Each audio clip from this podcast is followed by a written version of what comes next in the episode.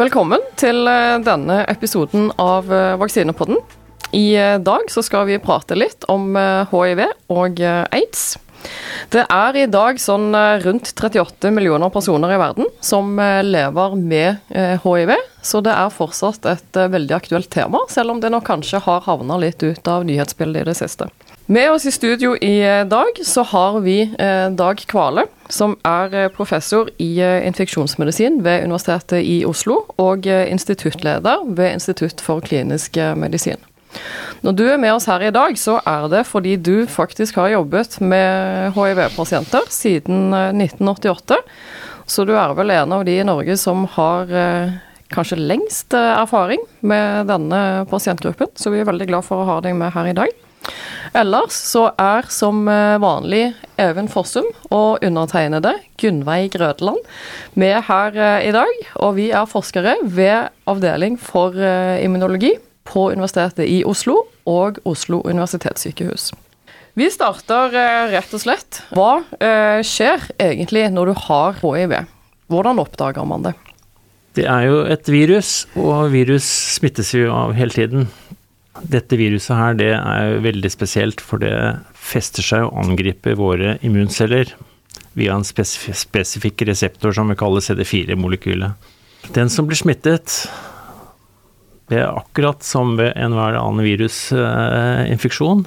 Det eh, går inn, eh, immunapparatet ser det, og de fleste blir litt syke eh, etter et par ukers tid. Det er noen få som blir veldig syke og blir innlagt på sykehus. Det kaller vi en akutt hiv-infeksjon, da. Men deretter føler man seg frisk, og de fleste føler seg friske i naturlig forløp på en sånn, det vi kan kalle en inkubasjonstid, før det blir eh, alvorligere ting man merker, på mellom sju og ti år. Så det vil egentlig si at hvis du har den minste mistanke om at du kan være smitta, så er det rimelig viktig å teste seg eh, en gang for mye heller enn en gang for lite? Absolutt, og det, det, kommer vi sikkert tilbake i denne sendingen her. For at eh, poenget er eh, nå oppdage tidlig, starte behandling så fort som mulig. Og det har vi lært veldig grundig de siste 10-15 årene. Mm. Du sier at hiv-viruset det tar og angriper uh, immunceller, mer spesifikt de som har uh, CD4 på overflaten. Det er uh, T-celler, som har en ganske viktig funksjon i immunsystemet. Nei, dette er jo da disse cellene som bl.a. bidrar med å hjelpe de andre immuncellene. Vi kaller dem gjerne for sånn T-hjelperceller, og har en sånn sentral rolle bl.a. i gang det å sette i gang antistoffsvaret, i form av å hjelpe B-cellene med å produsere antistoffer, men også egentlig med å gi hjelp til sånne dreper-T-celler, sånne cytotoksiske T-celler. Så selvfølgelig problemet med dette er, eller en av de store utfordringene med hiv, er at eh, er jo at liksom, etter hvert som disse CD4-cellene blir tatt livet av, så har det en enorm konsekvens for hele immunforsvaret. Det er litt sånn, sånn hele korthuset omtrent klapper sammen, og så blir man mottagelig. Ja. Og barn, barn, som fødes uten uh, funksjonelle CD4-celler, det er ikke forenlig med livets bestående, rett og slett. Nei, ja. Ja, Så dette er noen av de cellene som er viktigst i immunsystemet for å beskytte oss mot uh, alt vi måtte møte av infeksjoner og lignende, faktisk. Mm. Men det er sånn at uh, eh, hiv det er jo ikke nødvendigvis det samme som uh, aids, selv om det noen ganger kanskje blandes. Ja, det må være litt presis hva vi sier også, for hiv er betegnelsen på viruset. Så det er en virusinfeksjon, og da de aller fleste som er hiv-positive, som vi kaller det, altså en positiv hiv-test, de har kronisk hiv-infeksjon. Så det er terminologien. Aids, hvis vi skal ta det nå, det er jo et begrep som mange kjenner. Det ble innført som et hjelpemiddel eh, da man drev og prøvde ut nye medisiner. De helt tidlige fasene, det husker jeg veldig godt, eh, det var da når man prøvde nye medisiner, så var spørsmålet ja, hvor mange overlevde i den ene gruppen og døde i den andre, for å si det sånn. Det er et tøft mål på en klinisk studie. Mm. Og Derfor innførte man et pseudonivå som eh, man kaller aids. Altså det er rett og slett en tabell med en liste over komplikasjoner som vi vet er kjent ved hiv, og som tilsier at man har en viss grad, eller ganske uttalt grad, av immunsvikt. Slik at uh, da disse medisinutprøvningene kom, så, uh, så, var ja, hvor mange fikk aids i den ene gruppen i forhold til den andre gruppen når man sammenlignet medikamenter. I dag bruker vi ikke det begrepet i det hele tatt. Det er egentlig helt dødt og unyttig. I dag måler vi direkte effekt på viruset når vi tester ut mye medisiner. Mm. Så aids er et begrep som rett og slett er obsolet. Det trenger vi ikke å bruke lenger. Ja, men det er jo bra. For det betyr jo òg at man har eh, ganske gode behandlingsmåter for å bremse sykdomsutvikling. Men hvis vi går tilbake til eh, viruset. Eh, aller først så er jo dette et retrovirus. Som vil si at det tar å integrere seg inn i vårt arvemateriale. Så har du blitt smitta, så har du viruset for resten av livet. Og det er ikke noe vi med dagens kunnskap kan gjøre noe med det. Det gjøres litt forsøk der også, men det kan vi kanskje komme tilbake til. Det er en lang vei i tilfelle. Men det skjer jo veldig mye dramatisk faktisk uh, de første ukene. Uh, det har vi skjønt etter hvert, da. Enten folk blir veldig syke eller ikke. Fordi at de første ukene så er det mange av disse CD4-cellene som vi snakker om, som tas livet av. Mens vi teller og måler dem i blodet, så er det ikke der de fleste CD4-cellene er. De er i eh, lymfevev og i eh, slimhinnen, spesielt langs tarmen. Og spesielt langs tarmrøret, som er faktisk vårt største immunorgan, så er det kanskje 70-80 tap på alle CD4-celler, og de kommer ofte ikke helt tilbake, faktisk. Og reflekterer lite av det som skjer i blod. Så griper immunsystemet inn, og det aller verste immunsystemet kan gjøre idet man blir hiv-smittet de første ukene, det er å prøve å utrydde dette viruset som du, sa man ikke blir kvitt. Da blir man veldig sjuk. Det ligner eh, kanskje den viktigste feildiagnosen eh, av en tidlig hiv-infeksjon eller akutt hiv-infeksjon. Det er kyssesyke eller monoklose. Ofte med et utslett, men altså at folk blir ganske stein dårlige eh, en uke eller to. Og det, det, er fordi at ens eget immunsystem prøver å utrydde det viruset. Og det gjør at enda flere CD4-celler blir borte. Det er den verste starten faktisk på en hiv-infeksjon. Det er ikke et godt utgangspunkt at immunsystemet prøver å utrydde deler av seg selv. Nei, så akkurat eh, når det gjelder hiv, så, så er det passe dose, eh, og det hjelper jo ikke. Så å si alle, med noen veldig veldig få unntak, glir over i en kronisk hiv-infeksjon da. Mm. Mm. Men bare sånn av nysgjerrighet her, sånn når du går over i en kronisk uh, infeksjon, hvor mye, for da produserer du virus hele tiden? Mm. Du har på en måte virus i blod og i sirkulasjon og ja. Absolutt, og da er man smitteførende. Og jo mer eh, si, immunsvikt man får, eh, jo mer eh, virus får man i blod. Og det er særlig helt i starten og helt på slutten at man har veldig mye virus i blodet, er veldig veldig smittsom. Men i prinsippet så, så er man da smitteførende hele tiden. Eh, selv om nivået av virus varierer ganske mye fra én pasient til en annen. Da. Mm. Mm. En liten sånn ting til, på, men går det gradvis nedover? Altså fra den der første kanskje akutte fasen til man da har, eh, hvis man skal kalle det full immunsvikt og blir veldig dårlig, altså er det en, er det en sånn kontinuerlig nedgang i immunceller? Eller? Det er en eh, kanskje stepwise, men, eller sånn trappedeling, men det går langsomt nedover. og Det kommer litt an på hva slags parametere man bruker. Ofte så måler vi da at mange CD4-celler har man i blodet, ikke sant. Og det, det, liksom, det følger ganske Det går liksom én vei. Mm. Det andre som vi kanskje kan si litt om, er litt med kliniske symptomer, da. Mm. Ikke sant?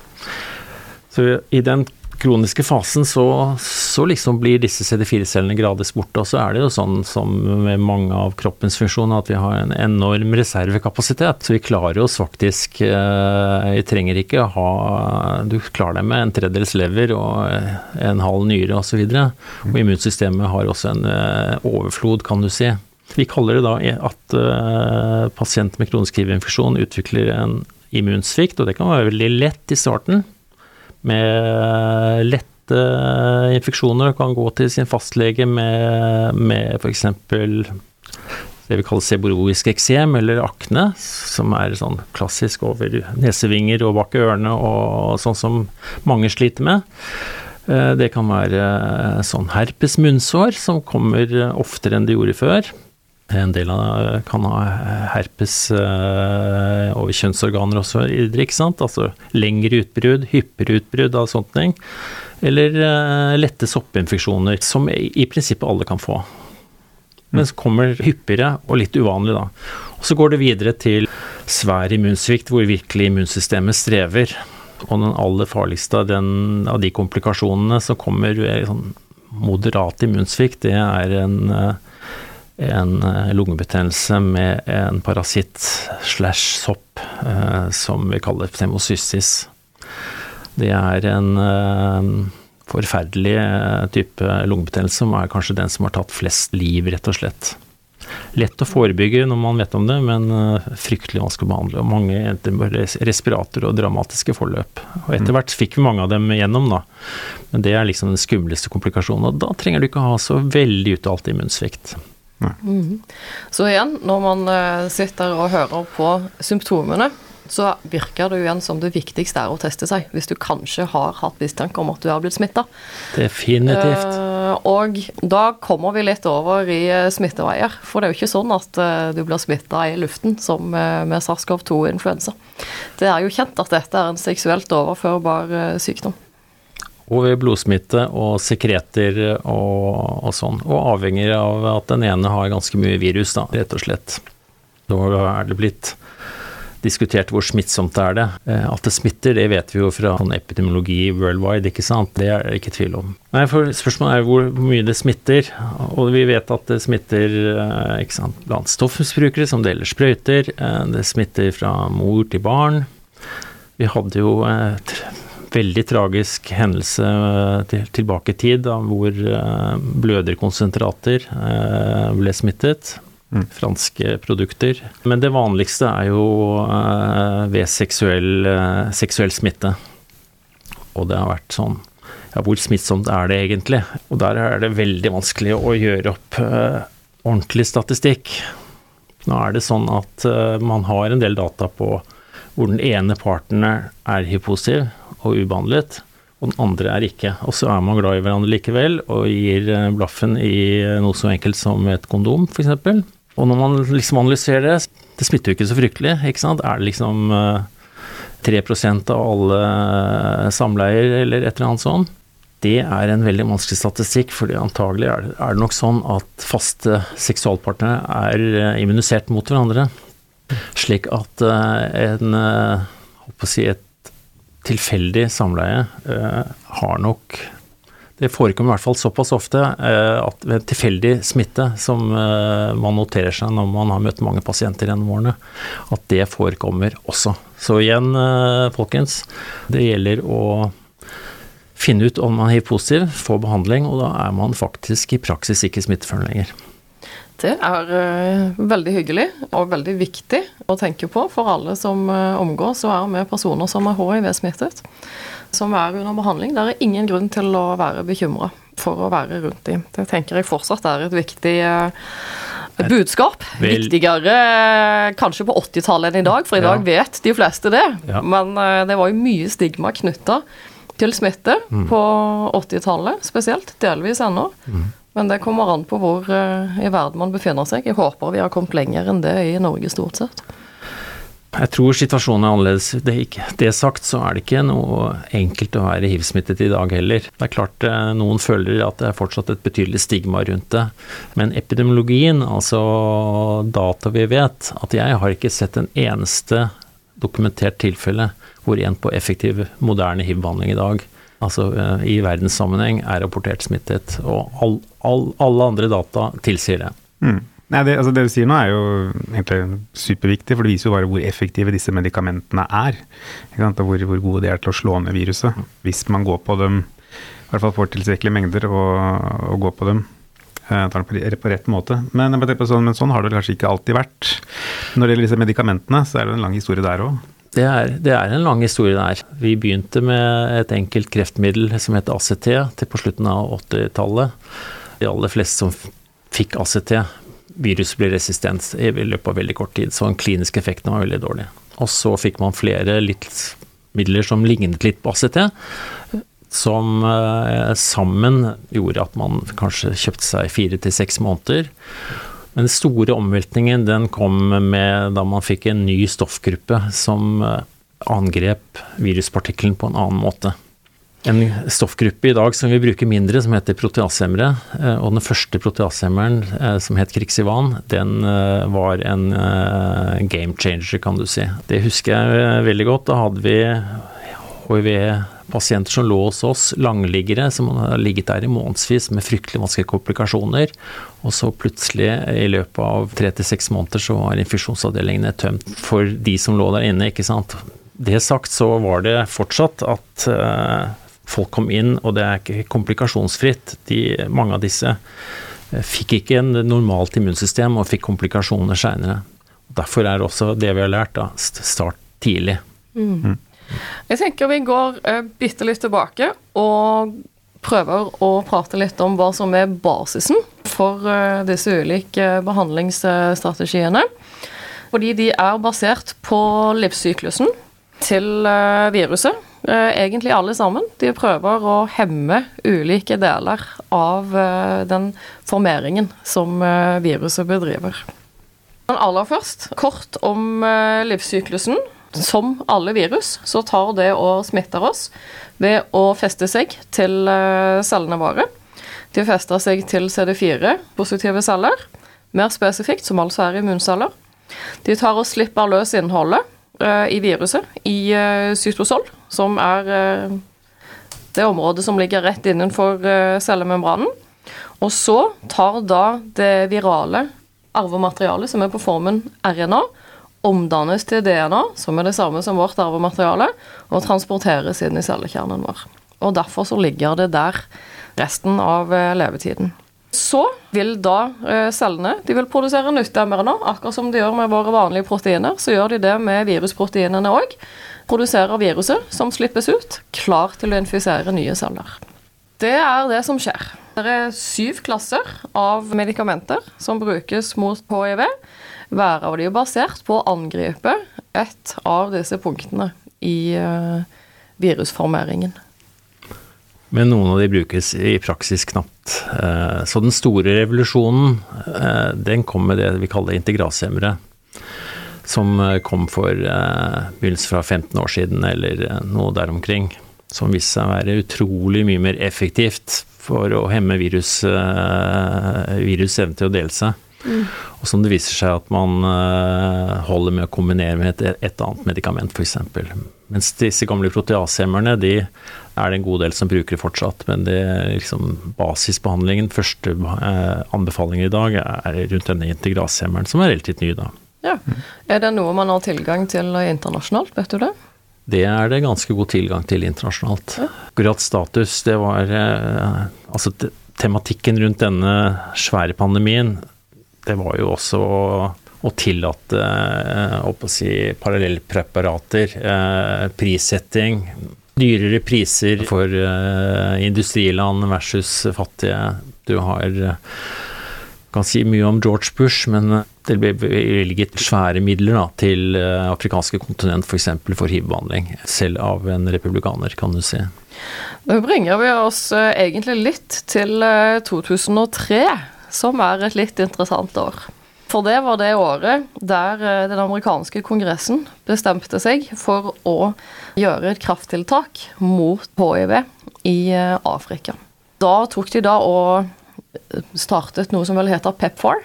Da eh, tok altså den amerikanske kongressen og tildelte over 100 billioner dollar for å bekjempe hiv i den tredje verden, og da spesielt eh, Afrika.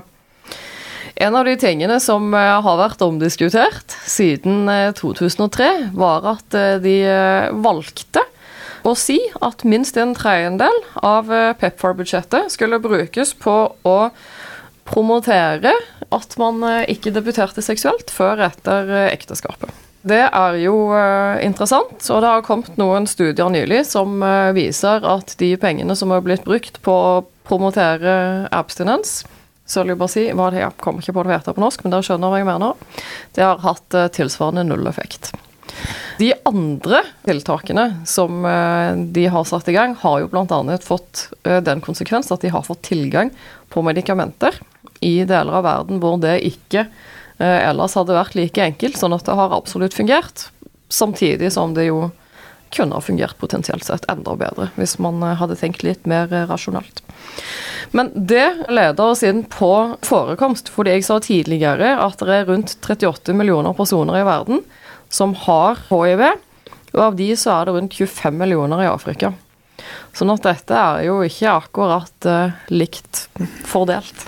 Det vet man nå hvor geografisk den første overføringen fra ape-hiv, som kalles SIV, overveiende sannsynlig Kamerun, som ble til den store pandemien. Så har det vært ja, fem-seks sånne overføringer fra ape til menneske som har blitt mye mindre vellykket på viruset, eh, men man har kartlagt dette her. Og man har kartlagt måten det spredde seg i Afrika, både eh, sørover på kontinentet og eh, rundt i Sentral-Afrika. Kanskje for 100 år siden, eller et eller annet sånt.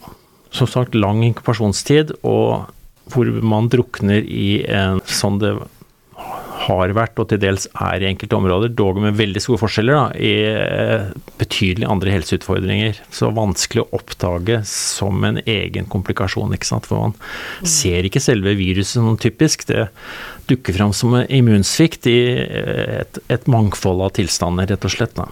Så var det også sånn, eh, apropos du nevnte Gunnveig, Pepfar. Mm. Og jeg har hørt Bill Clinton to ganger eh, talt på hiv-kongresser. Eh, hiv som et politisk problem, hvis du er kynisk politisk, fordi at særlig på 70-, 80-tallet og 90-tallet så var det jo eh, en dominans av godt utdannede, eh, relativt unge mennesker i Afrika som ble betydelig rammet av det. Man så plutselig for seg at hele samfunnet satt uten kompetente personer i skoleverk, politikk, altså det var den.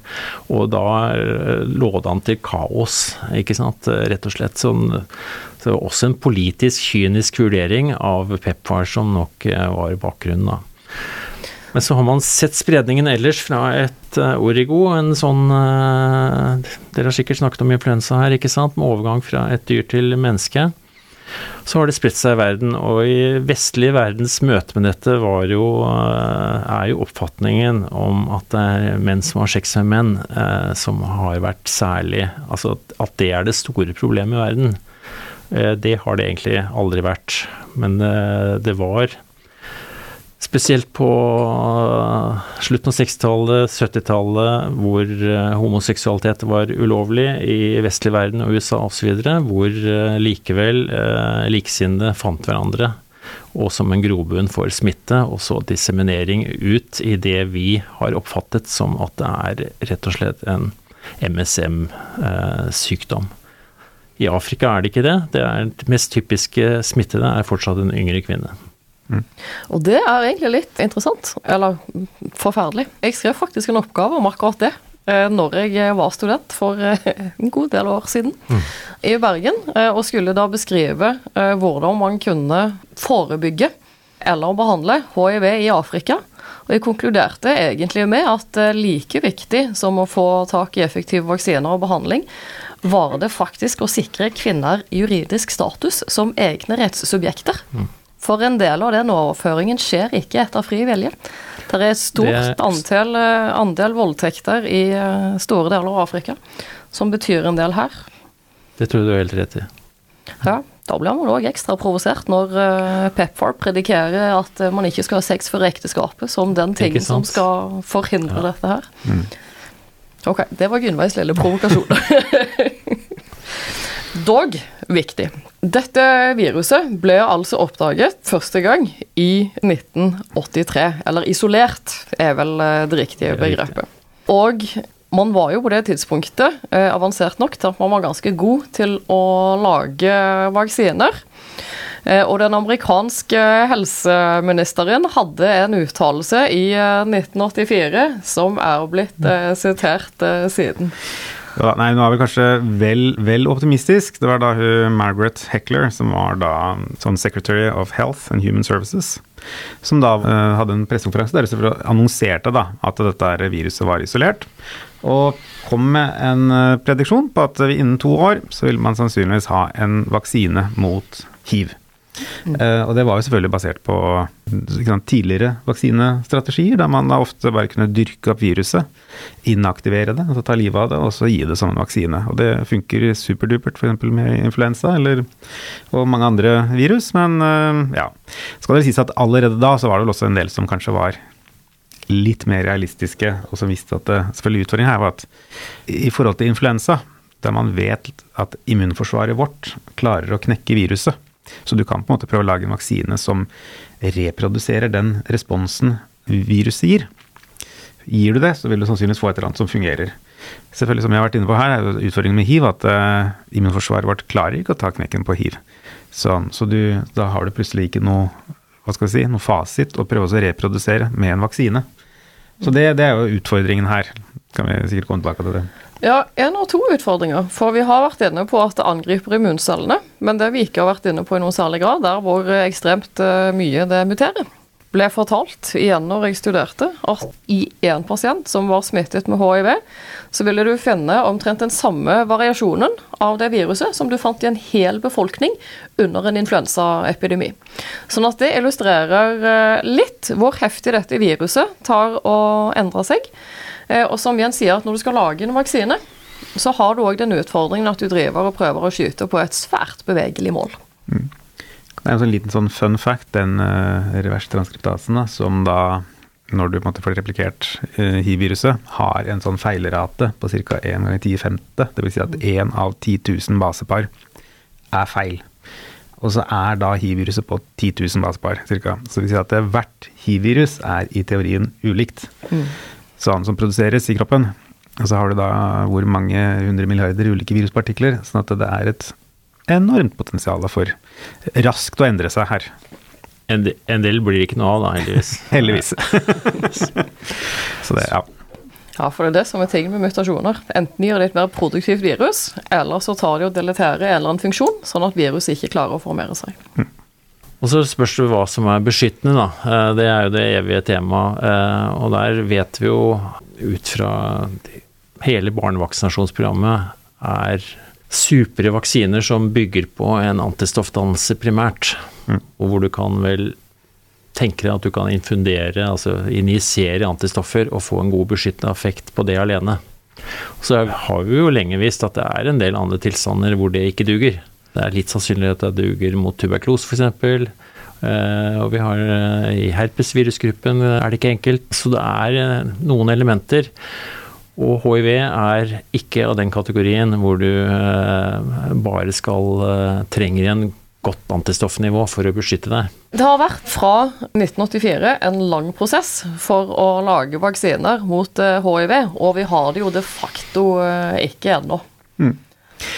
Nei, Vi skal si litt om, sånn, Vi har vært inne på viruset her. Eh, for å si litt mer om bare strukturen på viruset, så er det jo et sånt eh, membrankledd virus. Det kan jo til, altså minne litt om SARS-CoV-2-viruset på mange måter. sånn det, De fleste har vel et forhold til hvordan det ser ut gjennom illustrasjoner. Og har sånne overflatetagger med et protein som da heter GP120. Dette er en sånn, også en sånn trimerprotein som sitter på overflaten. og Det er det som er ansvarlig for å binde da, til denne CD4-cellene. Og selvfølgelig, som vi har vært inne på her, som uh, Dag, dette her var jo uh, man, man, tenkte seg at ved å lage antistoffer mot denne overflatetaggen, så kunne du blokkere viruset. Det er på en sånn uh, egentlig fornuftig tankegang som baserer seg på hvordan de fleste andre vaksinene våre funker. Og så har det vel da vist seg, delvis pga. at viruset endrer seg, så har det vært vanskelig å få til dette her men også da pga. at uh, dette overflatetaggen er ganske sånn kraftig glykosylert. Mm. Det er mye sukkermolekyler rundt omkring her som bidrar til å gjøre at disse antistoffene i, i liten grad klarer å blokkere bindingen. Uh, men det har vært flere, jeg vet ikke om du vil si noe om det, disse ulike kliniske utprøvningene her? Ja, nei, det har vært en eh, lang historie med misere. Altså det ene verre enn det andre på et vis. Optimismen som var stor, uh, veldig stor, som du refererte til uh, fra 84. Man trodde at dette her skulle gå som fot i hose, ikke sant. Så jeg husker vi to, to, sånne vaksineforsøk som eh, var her i Oslo, i hvert fall. Som to internasjonale studier som alle baserte seg på antistoffer mot dette overflatereseptoren, ikke sant. Dette er jo antistoffer som enhver hiv-smittet har.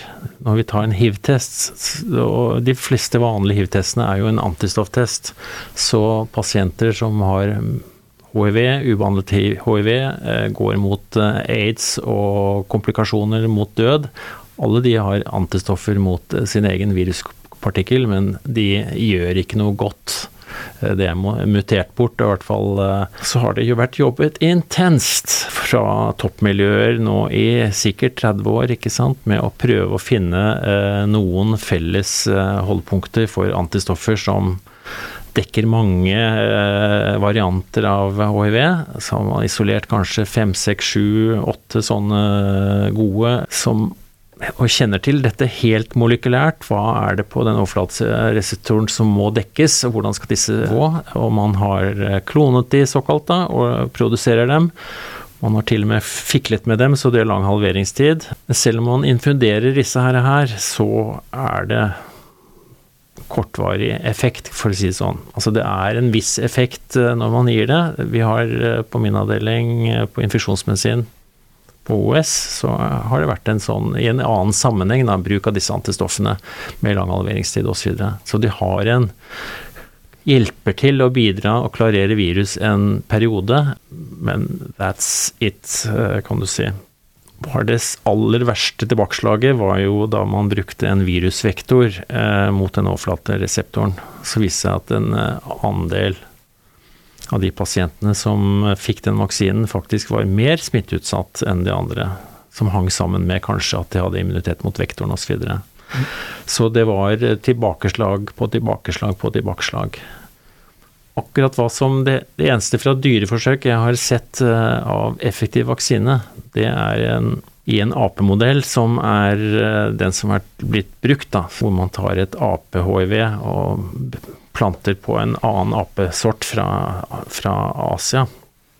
Altså mikser igjen mellom ulike apearter, da, som gir en eh, rask aids. Og det eneste jeg har sett profylaktisk eller forebyggende vaksine der, som har vært eh, Det var eh, en vaksine som var helt rå på å lage gode CD8-responser. Mm. Og Der kunne man vise, det ble publisert i et veldig fint blad osv. Så, så var det noe spesielt med den vaksinen osv., men det viste at CD8, altså cellulær immunitet, det er det eneste overbevisende virkelig jeg har sett der, da. Mm.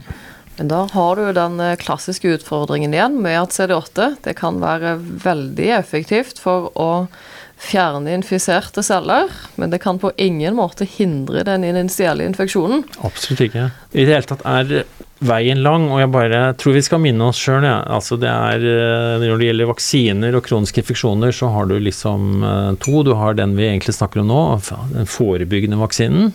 Det er jo den man ønsker seg, ikke sant, og som vi da skjønner det er veldig vanskelig å lage, åpenbart. Og den andre settingen, det er eh, noe som vi som steller med hiv-pasienter drømmer om. Det er å hjelpe deres eget immunsystem til å takle viruset bedre. Ehm, det er en idé som kanskje over mot kurativt mål, da, som er eh, litt fremtidsmusikk, men, eh, men, det vi snakker om her, er nå egentlig forebyggende vaksine, ikke sant. Mm. Jeg tenker så det er jo, for Du har jo den ene studien da, som kanskje hadde noe effekt, denne såkalte TAI-studien. Ja. RV 144, som det ble kalt. Mm. Men der var det jo Det var ikke noen sånn heidundrende beskyttelse man så, men man her oppnådde man, hvis jeg husker riktig, så var det ca. 60% beskyttelse etter ett år mm. mot smitte. Uh, og da 31 etter tre og et halvt år, så det er sånn avtagende. Uh, men det viser jo kanskje at det er, altså mulighetene er der. Det er mulig å sette i gang en immunrespons som kan bidra til beskyttelse, tross alt. Og den har jo har inntrykk av at den har blitt løfta fram som i hvert fall et lite sånn lysglimt da, i en ellers ganske sånn uh, trasig historie når det gjelder vaksineutvikling mot hiv. Det er riktig. Så samtidig strålende beskyttelse er det ikke for de som blir smittet. Uh, og så er det kommet uh, det, det, vi har lært. Jeg husker jeg og en kollega var på besøk i Vancouver i British Columbia for ja, 12-13 år siden, eller og der hadde de bestemt seg, uh, uansett retningslinjer, så skulle uh, I British Columbia, det er, er, jo helt vestre del av Canada. Og den laben og det sykehuset her, de visste om alt om alle hiv-positive hele uh, Vest-Canada. Altså, de, alle prøver kom dit. Og de fikk med seg politikerne tidlig på 2000-tallet og si uansett, vi, vi gir blaffen, vi har en tro på, behandler vi alle, så blir smitten borte. Og De bare gjorde det politisk, kan du si, eh, og det var en faglig grunnlag for det. Men eh, de retningslinjene kom ikke i Europa før ti år seinere. Men de viste jo hvordan bare smitten bare altså, raste fullstendig ned. Når du har en så eh, effektiv smitteforebyggende effekt som er 100 ved å behandle, finne alle, behandle alle, så er det nesten etisk uforsvarlig, tenker jeg, at du skal finne områder i verden hvor du ikke skal tilby standardbehandling.